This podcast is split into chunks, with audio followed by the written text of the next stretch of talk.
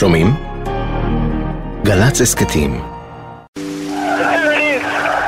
בתשעה באפריל 2003 נחקק רגע בהיסטוריית הימים. בגדד מתנערת משלטון האימים, עיראקים ואמריקנים מתחילים לנתץ ביחד את פסלו של סדאם חוסיין בכיכר המרכזית של בגדד לכל מצהלות ההמונים. באותה שעה בדיוק, הרחק משם, במחלקה לטיפול נמרץ בבית החולים רמב"ם בחיפה, מתרקם רגע היסטורי, אישי, פרטי, לאברהם יוגב. יוגב נשען על קיר המחלקה, העיניים שלו אדומות, וכל שפת גופו אומרת מילה אחת, התרגשות. אני כן יכול להגיד לך שכל המעיים מתהפכות לי עכשיו, ואני... אין, אין לי מושג למה אני פוחד מהמפגש הזה. פשוט המפגש עם אה, מישהי שבעצם חיה בזכות לירון, אני לא יודע איך אני אעמוד בזה. בשעות הבוקר של אותו יום עושה מרים דרעי את הדרך ברכבת לעיר חיפה. גם עבורה יהיה היום הזה באופן אישי יום היסטורי. את הדרך הארוכה מהבית בנתיבות אל בית החולים רמב"ם היא עושה עם שלושת הילדים הקטנים שלה. ביד הם מחזיקים זר פרחים צנוע שקנו בדרום עבור משפחת יוגב, משפחה שמעולם אגב לא פגשו. ומרים, האימא הצעירה, בסך הכל בת 31, שוברת כל הדרך את הראש, איך לומר תודה. אשת הדוד סילביה אקרמן מכירה היטב את המחלקה לטיפול נמרץ. מכירה את הכניסות הבהולות של מיטות החולים דרך הדלתיים, את הטרטורים של מכונות ההנשמה, את הצפצופים הנואשים של המוניטורים. אני זוכרת שביום שלירון נפטר, הוא נפטר למטה פה בחדר ניתוח. אני מיילדת פה בחד... בבית החולים הזה. הרבה פעמים בחדר ניתוח הזה, אני פשוט הייתי בניתוחים קיסריים, שנולדו ילדים. באותו מקום שבו באותו מקום של לירון שכב, אחרי שהוא נפטר, והוציאו ממנו את האיברים. ולמחרת בבוקר עבדתי באותו חדר, באותו חדר, ואני ישבתי ואמרתי, יא אללה, אני יוצאת בחדר הזה שיומיים לפני כן הוציאו את האיברים של לירון. אברהם האב, זוגתו ירדנה, הסבתא מרים, הדוד איתן ואשת הדוד סילביה, כולם מחכים עכשיו שהדלת במחלקה לטיפול נמרץ תיפתח.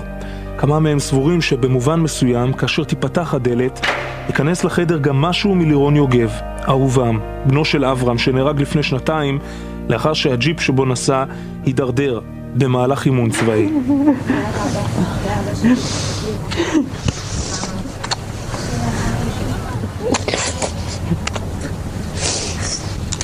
הבאתם לי תמונה? אל החדר נכנסת עכשיו מרים דרעי מנתיבות. בגופה של דרעי ובגופם של שני חולים נוספים הושתלו איבריו של לירון. הרגליים של מרים רועדות, ממש כך פיזית. העיניים דומעות, האף גדוש. סילביה מבקשת לקרוא שיר. פעם אחת בגוף של ילד קטן שבגר אחר כך, גר לו לב. לב קטן ואדום, עם עיניים חכמות וראש שמרגיש וחושב המון. אך הלב הזה הכיל דבר שכמוהו אין לאף אחד. הוא הרגיש שכל הרגשות שבעולם, וידע להעביר, להעבירם בעדינות ובחוכמה לדף נייר, ובכך קבע את חותמו בעולם. לירון היקר, אין דבר בעולם שנוכל לעשות כדי לעצור את אור האהבה מאיתנו והלאה אליך. וכמובן, אלא ממשיכים לחיות בזכותו, ובכם הוא טבע את חותמו. אבינו נא כי קיבלתם לא רק חיים, אלא גם מציל נפש מופלא ונדיר. הלב הזה של לירון יוגב דחה במשך שעות את החומרים המייצבים שרופאי המחלקה לטיפול נמרץ החדירו לו כשעוד נלחם על חייו. האב, אברהם יוגב, עמד אז במסדרון של המחלקה, לא רחוק מהמקום שבו נערך עכשיו המפגש עם מרים דרעי, ובלי לחשוב פעמיים הוא הציע לדוקטור להפסיק מיד את פעולות ההחייאה ולהעביר את איבריו של בנו להשתלה. זה בדיוק מה שלירון רצה.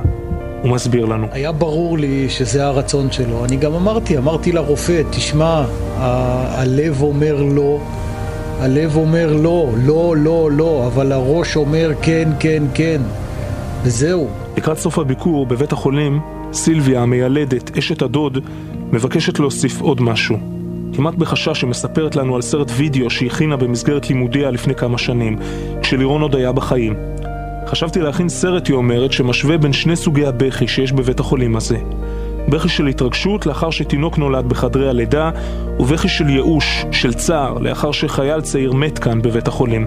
אני לא יודעת להסביר למה היא מספרת במפגש, אבל ביקשתי לצלם בפתיחת הסרט דווקא את לירון, נותן הקדמה. החיים ממשיכים, החיים ממשיכים, ממשיכים בסדר גמור, ממשיכים טוב. ואותה פלוגה שיום לפני זה איבדה חבר, יום אחרי זה יכולה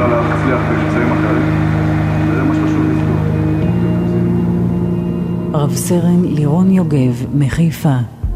מפקד פלוגה בגדוד 77 של חטיבה 7 בשריון, נהרג בהידרדרות ג'יפ במהלך אימון ניווטים ברמות מנשה ב-1 בפברואר 2001.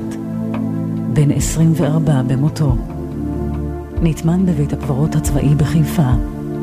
מבין שיריו הרבים בחר הזמר רון שובל לבצע את השיר ברחוב החשוך.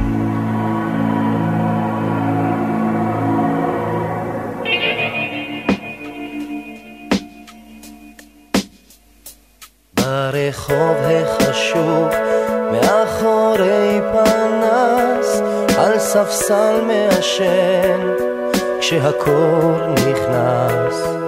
אנשים קטנים מתעופפים אל האור, והלב שלי מתנכר אל הקור, גם אם קשה וקר לך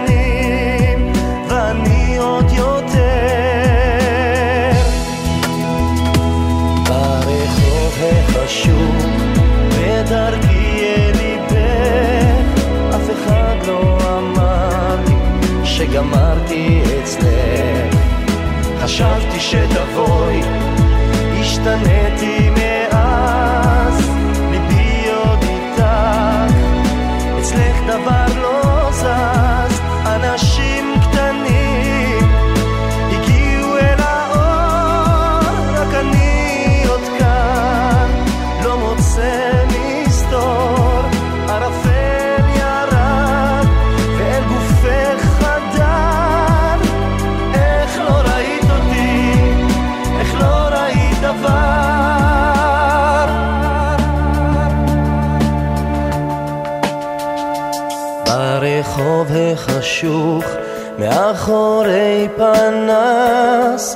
לא תראיני יותר אלא קור ליבי נכנס.